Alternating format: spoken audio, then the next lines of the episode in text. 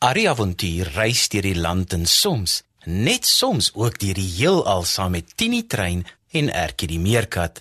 Hy's bang vir niks en saam met sy maats verskaf hulle vermaak aan groot en klein. Klim op, maats, die storietrein gaan vertrek. Tini is 'n stoomtrein op sy eysterspoor. Arrie is sy passasier, hy soek avontuur. Die Bybel is hul kompas, dit hou hul op die spoor.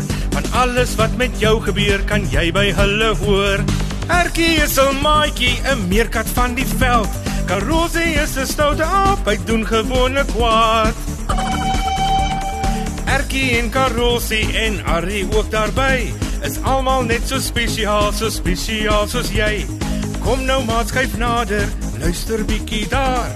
Is dit dalk die Tini trein wat ek daar gewaar?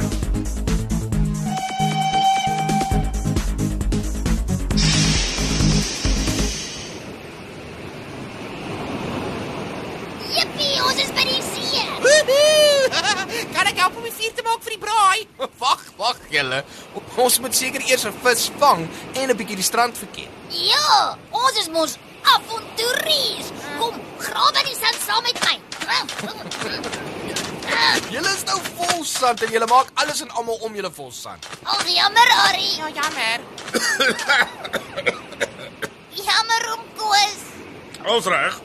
Uh, maar miskien kan julle eers iets anders ondersoek. Ek sal solank my visstok kry en kyk of ek intussen 'n visie of twee gevang kry. Dankie oom Koos. Daar's ook wonderlike dinge om onder die water te ontdek. Alles is nie altyd onder die sand begrawe nie. Ehm, um, solank dit net nie die krokodille en slange is waarvan jy ons vertel het nie, asseblief, Ari. Nou, hoe gaan ons kan sien wat onder die water is? Ons kan mos nie al die water uitskep nie. Nee, ons kan nie dit doen nie. Julle sal nie nou onder die water in die diepsee kan sien nie. En nee, ons sal nie die water kan uitskep nie. Mense gebruik spesiale klere en toerusting soos suurstoftanks om mense onder die water te help asemhaal. Hoe gaan ons dit doen, Ari? Julle vergeet alweer hoe ek amper in die rivier verdrink het. Ek kan nie goed swem nie. Weet jy eens of jy kan swem, Ertjie? Hm. 'n Mens moet eers leer hoe om te duik. 'n Scuba duiker is iemand wat onder die water duik. 'n Duiker leer hoe om onder die water asem te haal deur die buis wat die lug bring van die tank af wat op sy of haar rug vasgemaak is. So, is dit die enigste manier waarop mens onder die water kan gaan om te sien wat alles daar is? Nou, dis 'n goeie vraag, Karosie. Nee, dis nie die enigste manier nie. 'n Mens kan ook 'n duikboot gebruik. Nou 'n duikboot lyk nie soos die bote wat jy al gesien het nie. En seker nie soos die bote waarmee die disippels vis gevang het nie. O nee, glad nie so nie.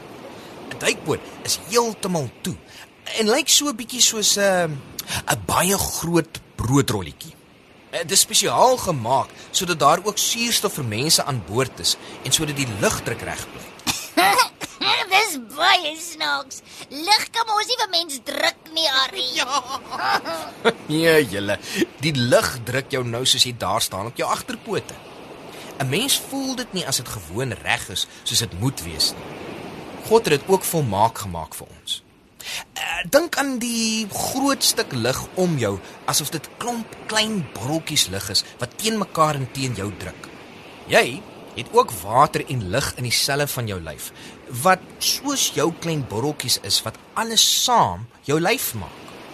Jou borreltjies druk van binnekant af en die lug buite jou lyf druk ewe hard van buite af. Hi, ek onthou nou, Ari. Toe ons een keer saam met Tini in die ruimte gaan ry het om na die aarde te kyk van ver af.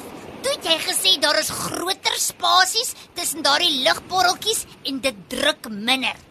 Daarom moes ons die ruimteklere aantrek om ons teen die lugdruk te help beskerm. Net so.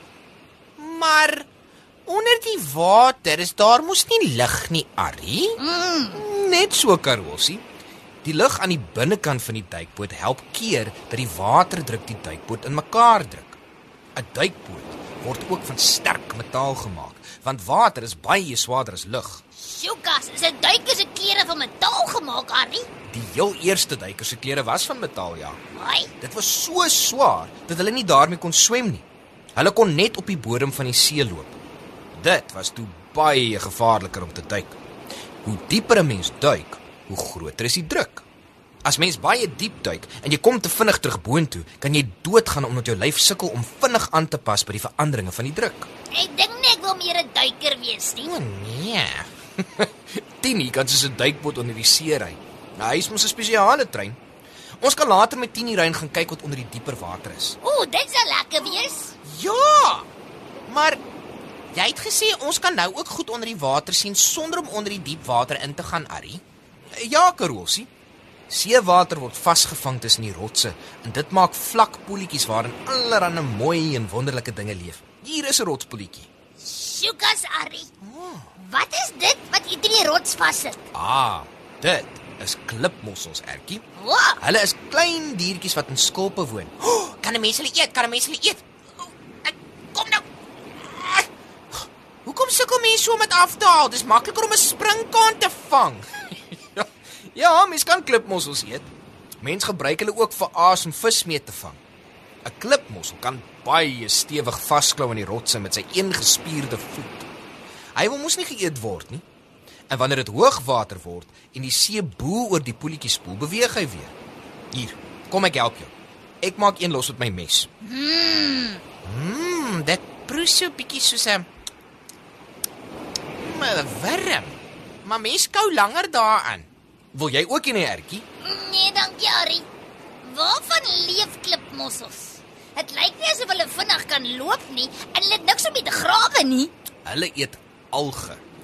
Dis nou daardie slijmerige groen plante wat jy daar teen die rots sien. Help! Eina, help! Help, ek gaan verdrink! Ek wou nog sê jy moet versigtig loop. Daardie alge is regtig baie glad. Maar Karolsie staan net op die water is vlak. O. Eina, Eina kry die ding vir my af en wil my eet. Dis net 'n krap. Hy probeer homself nie teen jou beskerm. Kom, ek sal sy knyper om jou vinger losmaak. Kyk daar. Sjoekas, maar dis mooi. Dit is 'n seester. As hierdie hongerkrap van Karolsie een van die seester se bene gryp, gooi die seester dit af en gebruik sy ander bene om te ontsnap. Dan groei daar weer 'n nuwe been aan. Waar bly julle? Ek het al die vis gevang en gebraai. Jippie! O, ek is so honger. En hierdie rotspoelverkenning is heeltemal te gevaarlik vir my. Ek het nie vingers wat ek kan afgooi en weer laat aangroei nie. My maagie is knippeldik. Dankie oom Koos. Oh, kyk toe. Dit lyk heel ander as die son hier sak as daar by ons. Hier lyk dit of die son in die water wegsink. Ja. Oh, sal die son weer opkom as dit so in die water wegsink, Arrie? Gaan die water in die son se vuur blus nie? Ja, toe maar ertjie. Die son sak nie regtig in die water nie. Dit lyk net so. Ek verseker jou die son kom weer. Weet julle, toe Jesus teruggegaan het hemel toe, het die disippels ook so in die lug gekyk hoe hy op en op en op gaan en verdwyn en gewonder of hulle hom ooit weer sal sien. Almal aan boord. Ah, wag. Dit is eers tyd om 'n bietjie te gaan duik. Kom julle, kom ons gaan klim op.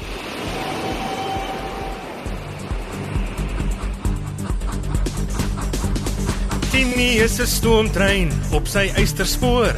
Arrie is sy passasier, hy soek avontuur. Die Bybel is hul kompas, dit hou hul op die spoor. Van alles wat met jou gebeur, kan jy by hulle hoor. Erkie is 'n maatjie, 'n meerkat van die veld. Karosie is 'n stoute aap, hy doen gewone kwaad. Erkie en Karosie en Arrie ook daarby. Is almal net so spesiaal, so spesiaal soos jy. Kom nou maat skuif nader, luister bietjie daar. Is dit dalk die Tini trein wat ek daar gewaar? Die avonture van en Erkie is geskryf deur Elsie Stander. Dit word opgevoer onder spelleiding van Lazelle de Bruin, tegnies versorg deur Neil Roo en vervaar deur Worldwide Media.